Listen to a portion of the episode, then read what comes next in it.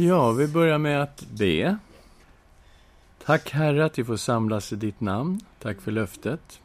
Två eller tre som är församlade i ditt namn, där är du mitt ibland dem.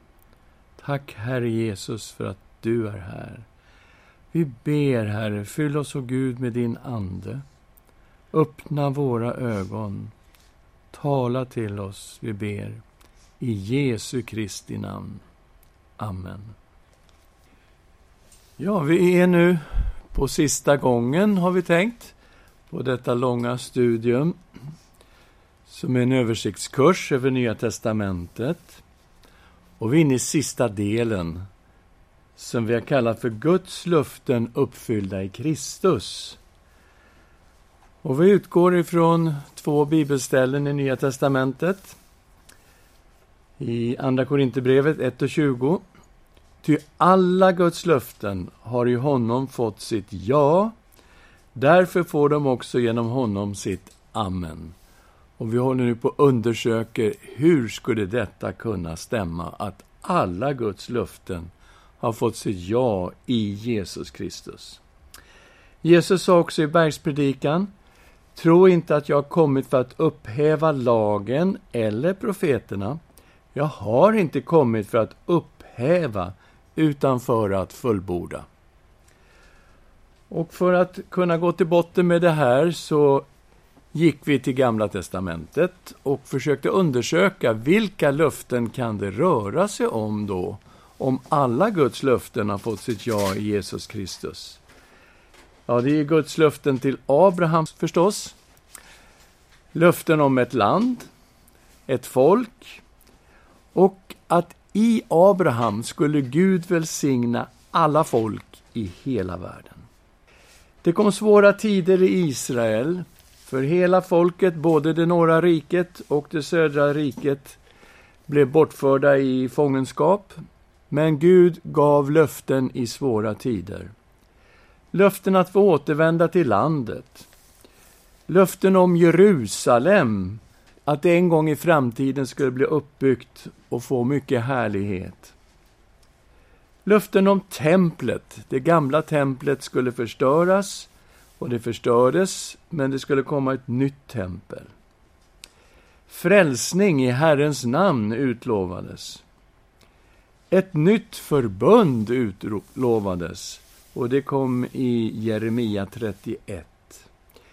Löften om Guds ande som ska bo i de troende och att Gud en dag skulle utgjuta sin ande över allt kött.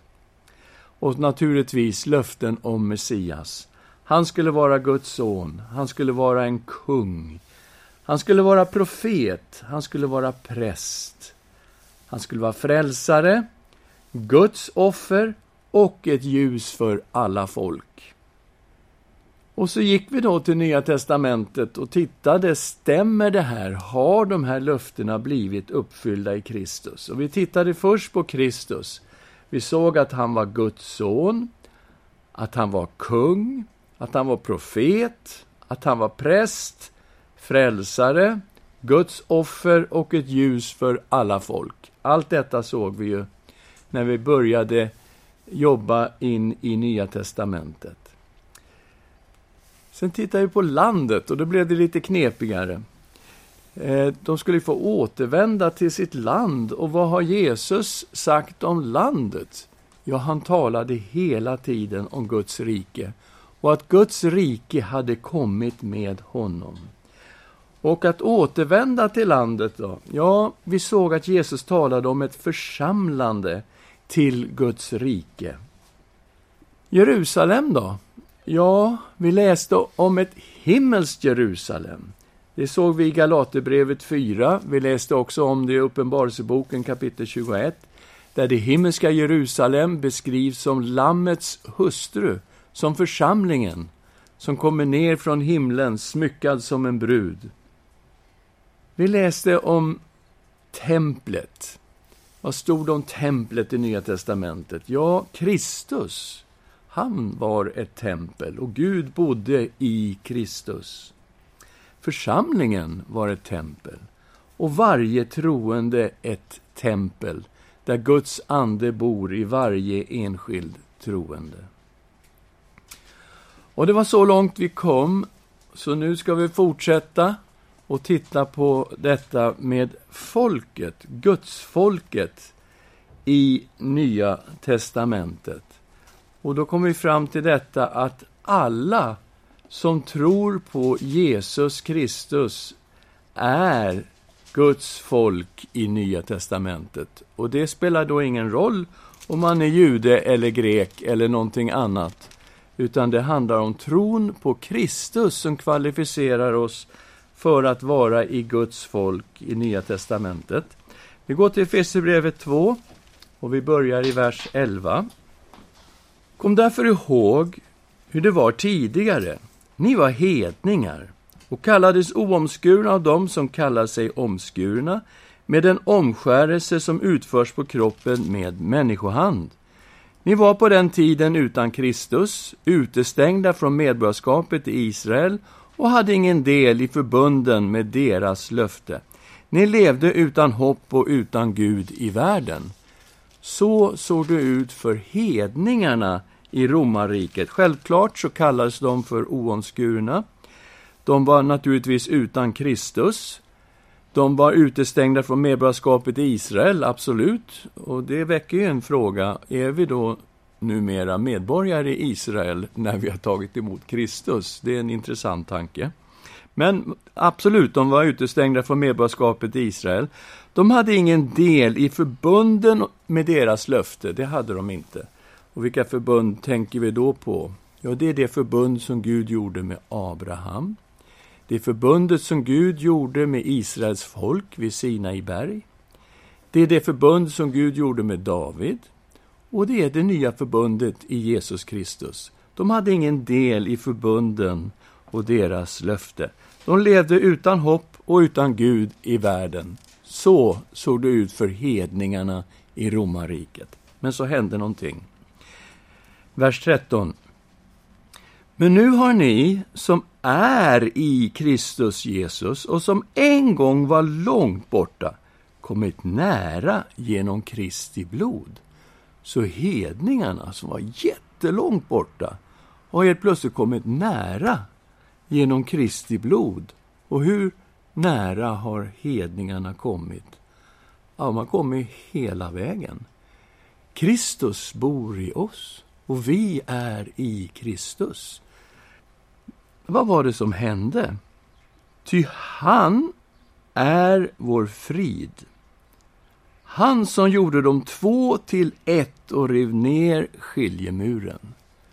Vilka två är det nu som Gud har gjort till ett? Det är judar och hedningar, är gjorda till ett i Jesus Kristus. Han har rivit ner skiljemuren. Vilken skiljemur?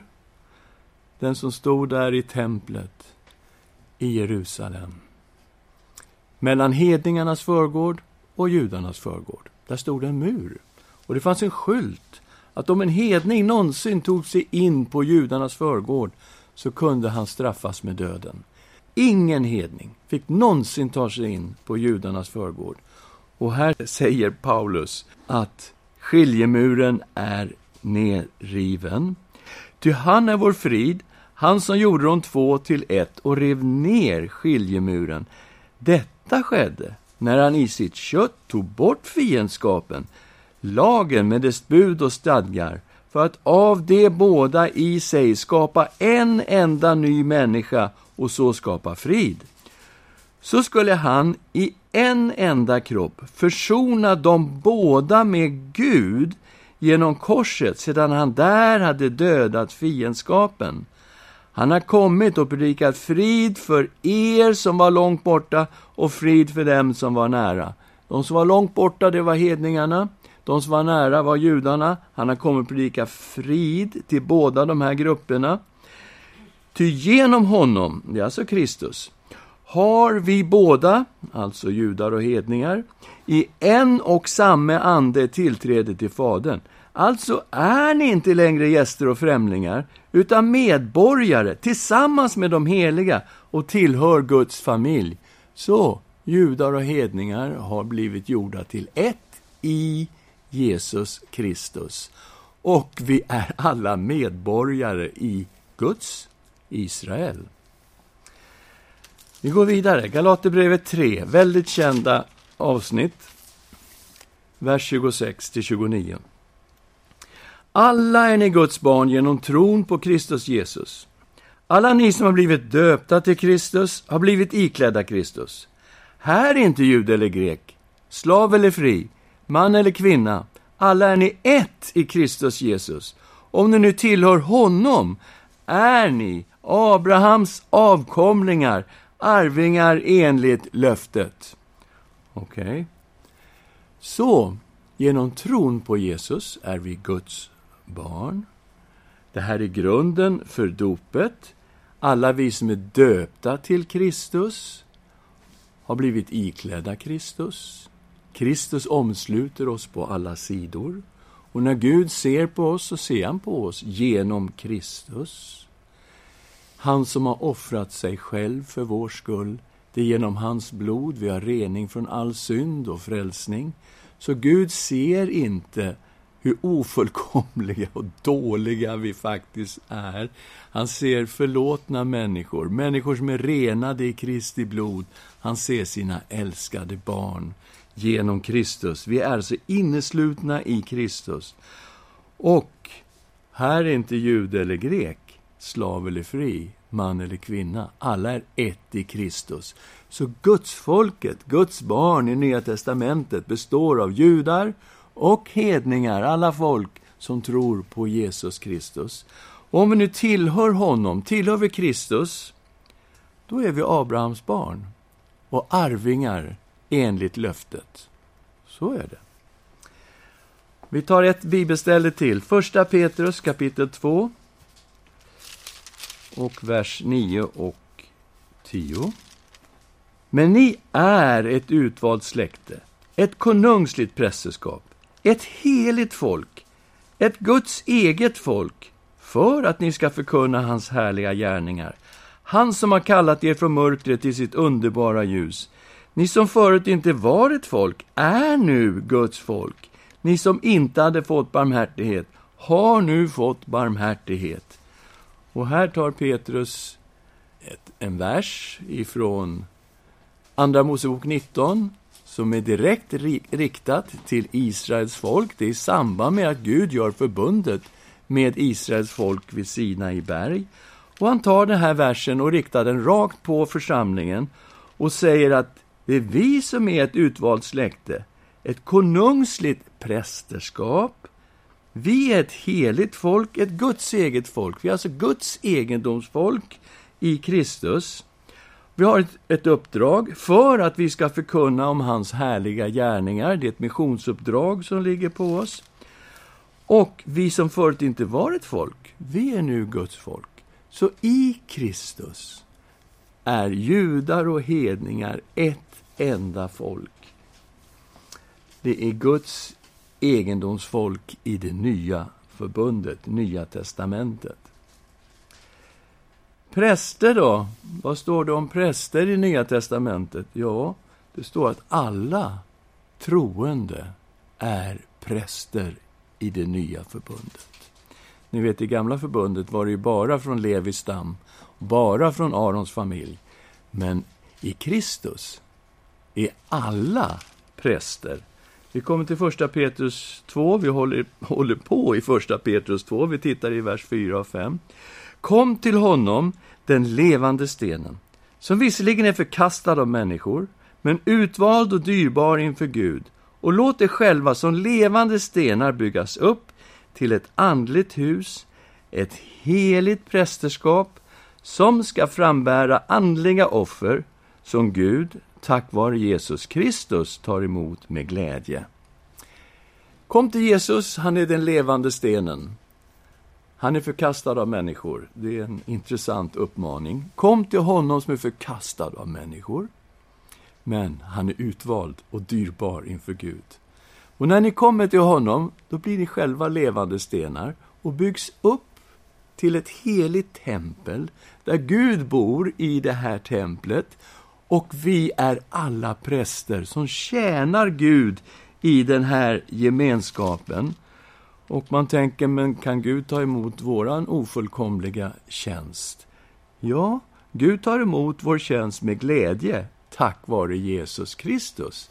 För det är genom Jesus vi är renade, förlåtna och i Jesu namn tjänar vi Gud i det här templet. Och tack vare Kristus tar Gud emot vår enkla tjänst med glädje. Och vi läste redan tidigare i vers 9 och 10 att vi är ett konungsligt prästerskap. Så det är vad alla i det här folket är. Det är ett allmänt prästadöme som vi brukar tala om. I Uppenbarelseboken kapitel 1 läser vi en hälsning från Kristus i vers 5 och 6. Och från Kristus Jesus, det trovärdiga vittnet, den förstfödde från de döda och härskaren över jordens kungar. Han som älskar oss och har friköpt oss från våra synder med sitt blod och som har gjort oss till ett kungadöme, till präster åt sin Gud och Fader. Honom tillhör äran och makten i evigheternas evigheter. Amen. Vi är ett prästerskap. Alla troende är präster i Jesus Kristus. Gud sa ju till Abraham att han skulle välsigna alla folk i honom. Alla släkter i hela världen skulle bli välsignade genom Abraham. Okej, okay, vi är hedningar som sitter här, tror jag vi kan komma överens om. Är vi välsignade? Ja, vi ska titta på en vers, Efesierbrevet 1 och 3. Välsignad är vår Herre Jesu Kristi, Gud och Fader, som i Kristus har välsignat oss med all den himmelska världens andliga välsignelse. Så vi som sitter här är välsignade med all den himmelska världens andliga välsignelse. Det är ingenting som ska ske i framtiden. Han har välsignat oss med allt detta. Och då tänker man, men jag känner mig inte så välsignad. Nej, men allt detta finns i Kristus. All andlig välsignelse finns i Kristus. Och om du är i Kristus så är du välsignad med all den himmelska världens andliga välsignelse. Frälsning då, och förlåtelse. Finns det i det Nya Testamentet? Ja, ja, jag tror att vi hittar detta. Jag misstänker att det kan vara så. Vi ska gå till Jesu födelse och vi ska se vad ängeln sa till Josef. Vi går till Matteus kapitel 1 och vers 20 och 21. Josef, han tänker, jag måste skilja mig från Maria. För Maria var gravid och han kunde inte få ihop det, så han bestämde sig för att skilja sig. Vid tjugonde versen av kapitel 1. Men när han tänkte på detta, se, då visade sig en Herrens ängel för honom i en dröm och sa, Josef, Davids son, var inte rädd att ta till dig Maria, din hustru. Ty barnet i henne har blivit till genom den helige Ande. Hon ska föda en son, och du ska ge honom namnet Jesus, ty han ska frälsa sitt folk från deras synder. Hans namn ska vara Jeshua, Jesus, som betyder Herren frälser. Och han som får namnet Herren frälser, det är han som ska frälsa sitt folk från deras synder. Självklart finns frälsning och förlåtelse i Jesu namn och vi ser det på många ställen i Nya testamentet. Löften om Anden såg vi i Gamla testamentet. Har de på något sätt blivit uppfyllda i det Nya testamentet? Jajamensan. Så är det ju. Jesus talar vid lövhyddehögtiden i Johannes kapitel 7 och vi kommer till vers 37. På den sista dagen, den största i högtiden, stod Jesus och ropade Om någon törstar, så kom till mig och drick. Den som tror på mig, Ur hans innersta ska strömmar av levande vatten flyta fram, som skriften säger. Detta sa han om anden, som de skulle få som trodde på honom. Ty anden hade ännu inte blivit utgjuten, eftersom Jesus ännu inte hade blivit förhärligad. Så, om vi törstar efter Gud, då ska vi gå till Jesus. Och det är Jesus som ger oss levande vatten.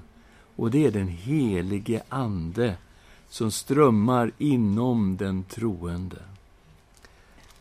Och vi vet vad som hände på pingstdagen, församlingens födelsedag, när den helige Ande föll över lärjungarna. Vid Jesu himmelsfärd så fick de veta att de skulle gå till Jerusalem och vänta. Och Jesus hade sagt åt dem vänta. Och de väntade i bön i Jerusalem att den heliga Ande skulle komma, precis som Gud hade lovat. Vi kommer till kapitel 2, Apostlagärningarna, vers 1. När pingstdagen hade kommit var de alla församlade. Då kom plötsligt från himlen ett dån, så när en våldsam storm drar fram. Och det fyllde hela huset där de satt. Tungor som av eld visade sig för dem och fördelade sig och satte sig på var och en av dem. Och de uppfylldes alla av den helige Ande och började tala främmande språk allt eftersom Anden ingav dem att tala. Så, de blev alla uppfyllda av den helige Ande. De blev alla döpta i den helige Ande. Och på pingstdagen hände detta märkliga tecken att de talade alla möjliga språk. Och de talade om Guds väldiga gärningar. Och eh, folk undrar vad är det som händer. Petrus ställer sig upp och håller sin fantastiska pingstpredikan och börjar med ett långt citat ifrån Joel. Här har det uppfyllts, det som Gud hade lovat genom profeten Joel. Och vi läser från 17 versen i Apostlagärningarna 2, och det ska ske i de sista dagarna, säger Gud, jag ska utgjuta min ande över allt kött. Era söner och era döttrar ska profetera, era unga män ska se syner, och era gamla män ska ha drömmar. Ja, över mina tjänare och tjänarinnor ska jag de dagarna utgjuta av min ande. Så här kommer uppfyllelsen av löftet om den helige Ande. Och det sista versen som han citerar, jätteviktigt, från Joel, i vers 21. Och det ska ske att var och en som åkallar Herrens namn ska bli frälst. Och så kommer predikan. Han talar om att de är ögonvittnen. Han citerar Gamla testamentet och han kommer fram till det fantastiska att Jesus är Messias. Är ni med? Och han är Herre. Håller ni fast vid versen? Var en som åkallar Herrens namn ska bli frälst. Och Jesus, han är nu Herre. Så därför, när de frågar Petrus, vad ska vi göra? Vi kommer till vers 37. När de hörde detta högg det till i hjärtat på dem och de frågade Petrus och de andra apostlarna, bröder, vad ska vi göra? Petrus svarade dem, omvänd er och låt er alla döpas i Jesu Kristi namn. Det är alltså han som är Herre, och det är hans namn det ska döpas, så att era synder blir förlåtna. Då ska ni få den helige Ande som gåva. Okej. Okay. Så löftena om Anden uppfylldes i Jesus Kristus och alla som tar emot Jesus Kristus som sin Herre och Frälsare får den helige Ande, blir faktiskt född på nytt i den helige Ande. Nya förbundet då? Det var ett löfte om ett nytt förbund, såg vi i Jeremia. Hur är det med det nya förbundet? Ja, vi kommer till Hebreerbrevet 8 och vi ser att i Hebreerbrevet så citeras hela den här texten ifrån Jeremia 31.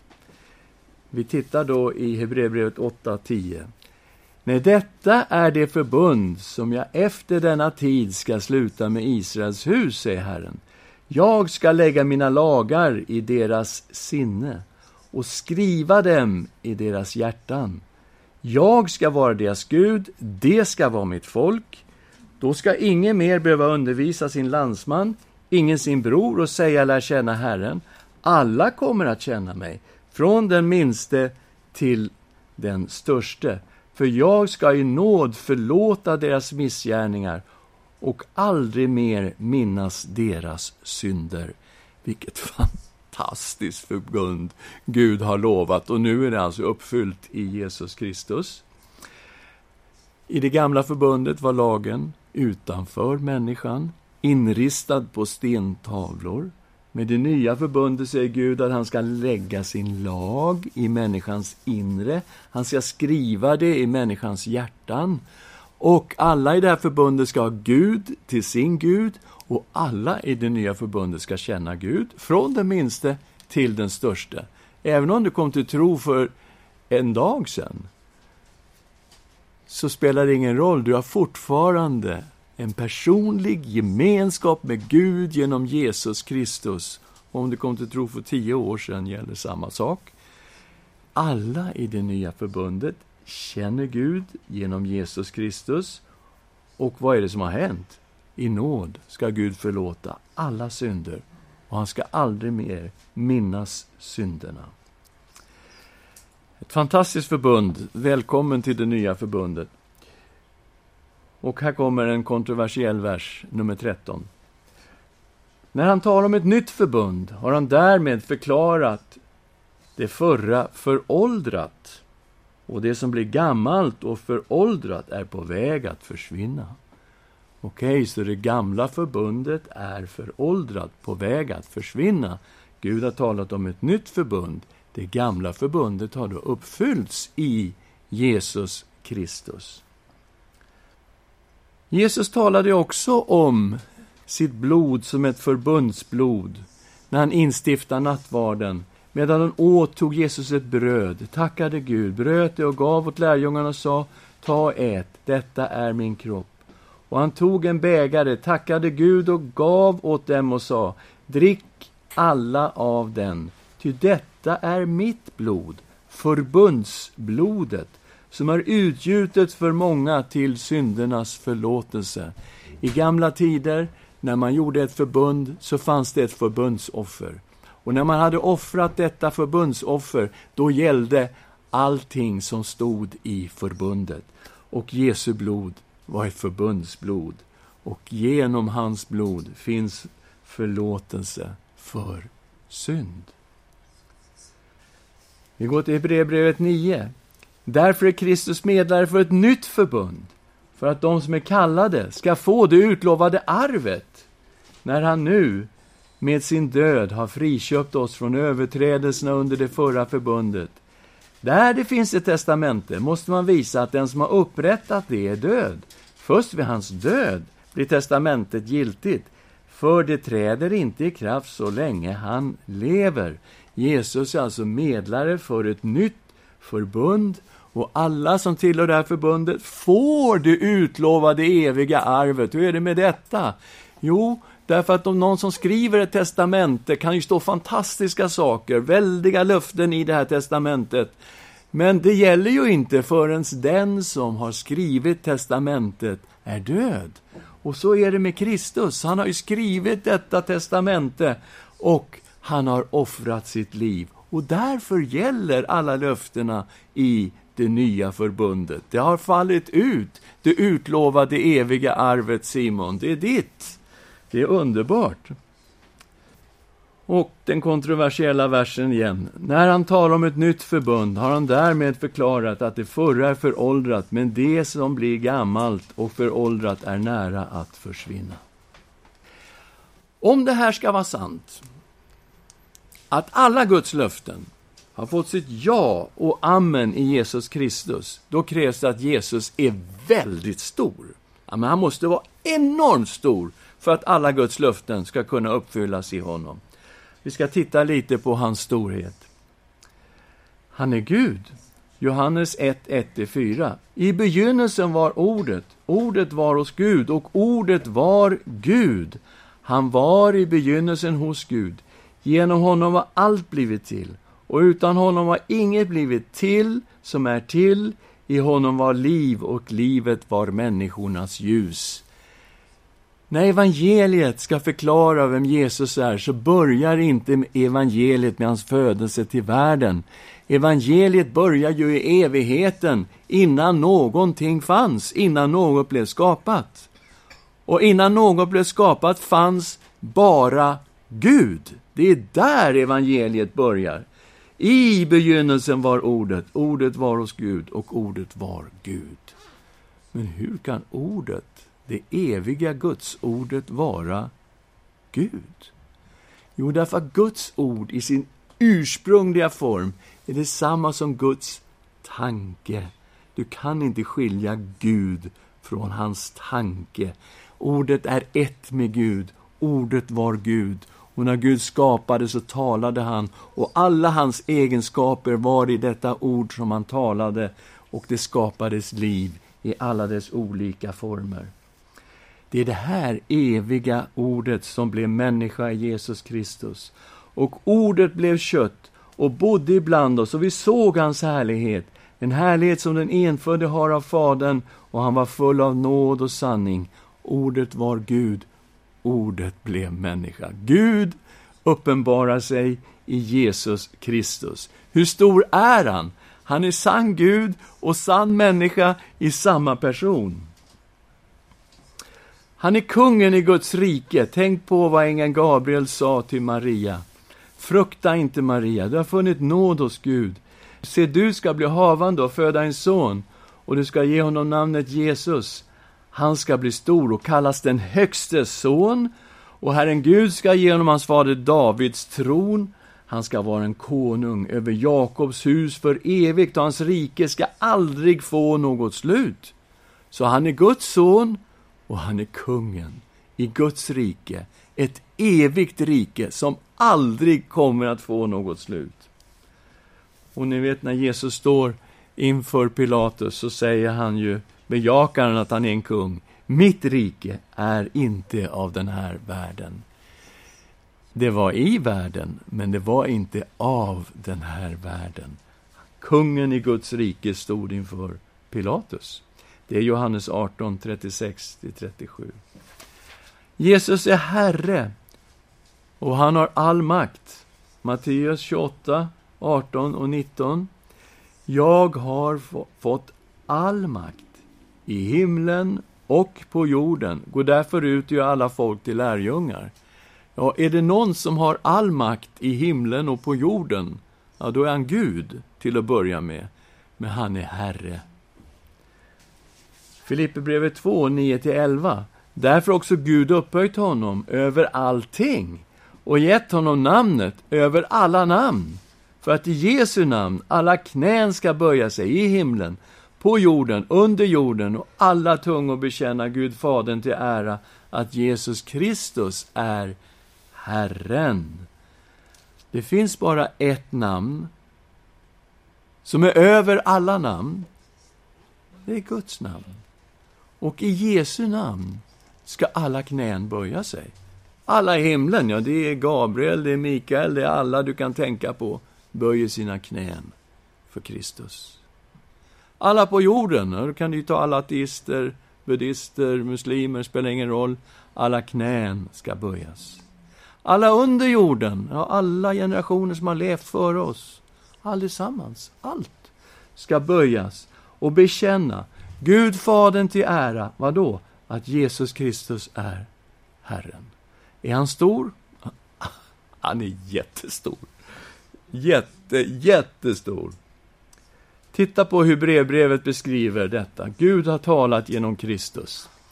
Sedan Gud i forna tider, många gånger och på många sätt hade talat till fäderna genom profeterna, har han nu i den sista tiden talat till oss genom sin son. Honom har han insatt i att ärva allting och genom honom har han också skapat världen. Okej, okay? du har hela Gamla Testamentet representerat i den första satsen här. Att Gud i forna tider har talat många gånger och på många olika sätt. Han har talat till fäderna genom profeterna. Det är hela Gamla Testamentet. Mot detta sätter han en person, han sätter Kristus. Och jämför honom då med allt detta andra och se hur stor är Kristus. Han är sonen, så han ska ärva allting.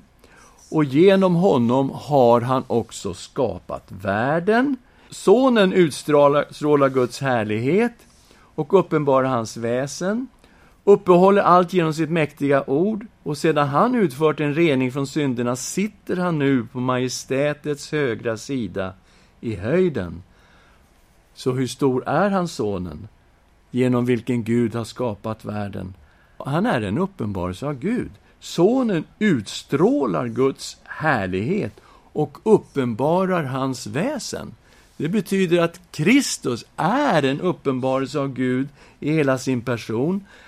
Allt är skapat genom Sonen, men Sonen bär ju också allting med sitt mäktiga ord. Oj! Och han har utfört en rening för synderna. Han sitter på Guds högra sida, högsta positionen av makt och auktoritet i hela universum.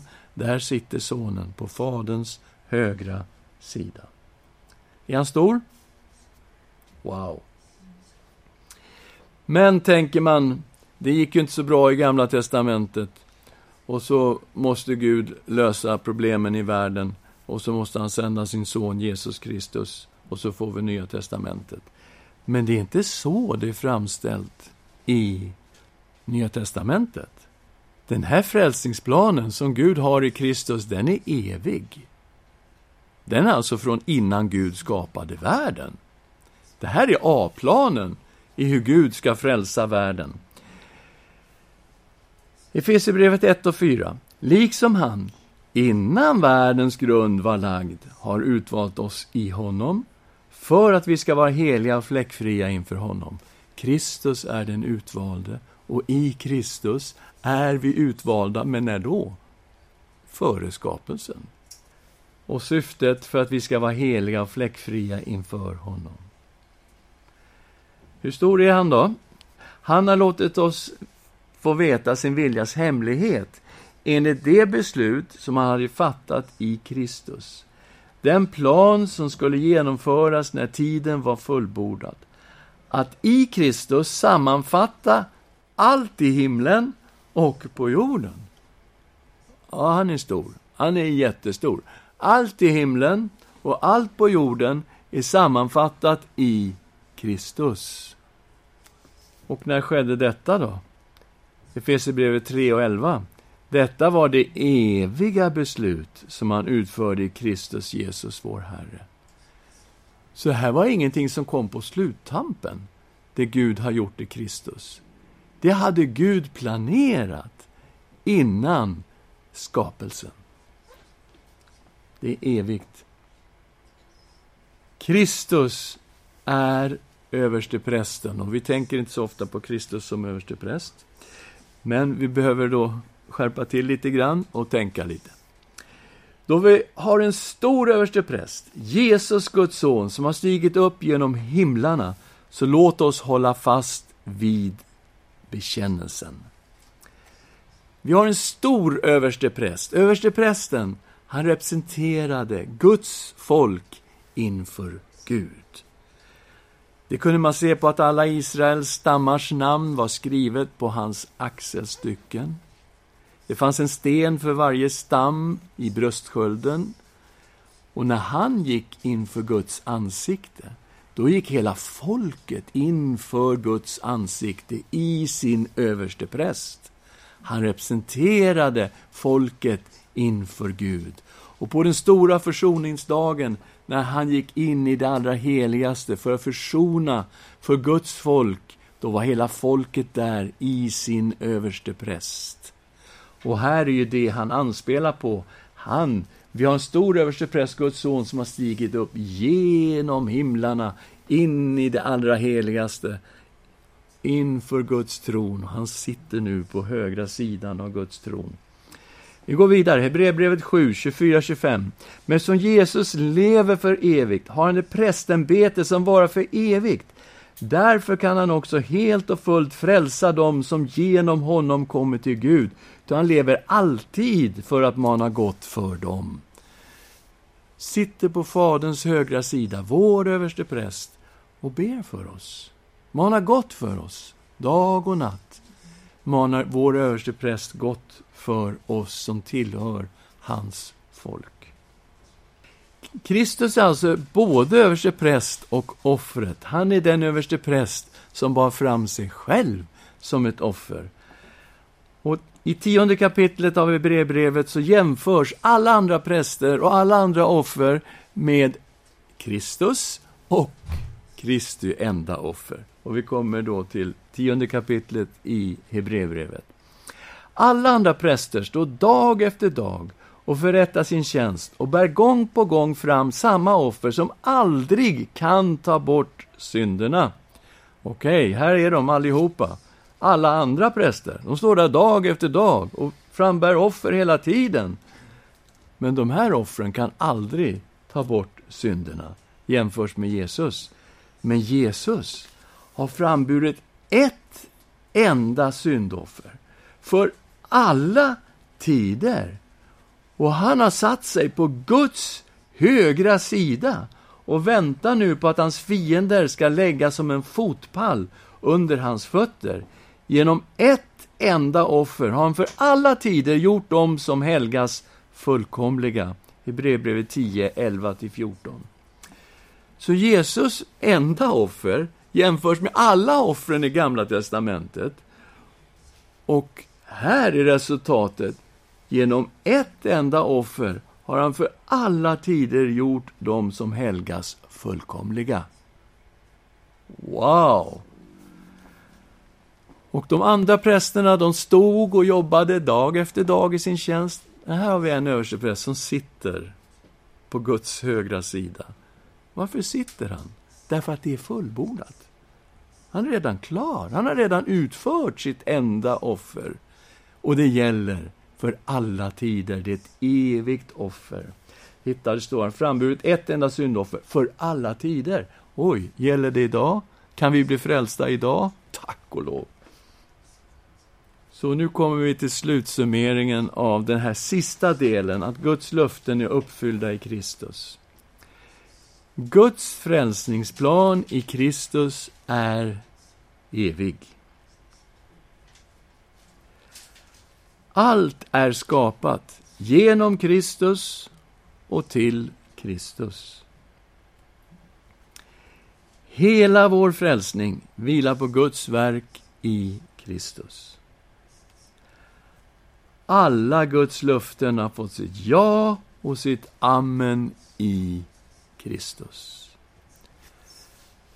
Och jag sa någon gång vid inledningen när vi började med det här studiet att vi kommer undersöka den här tesen att alla Guds löften har blivit uppfyllda i Kristus.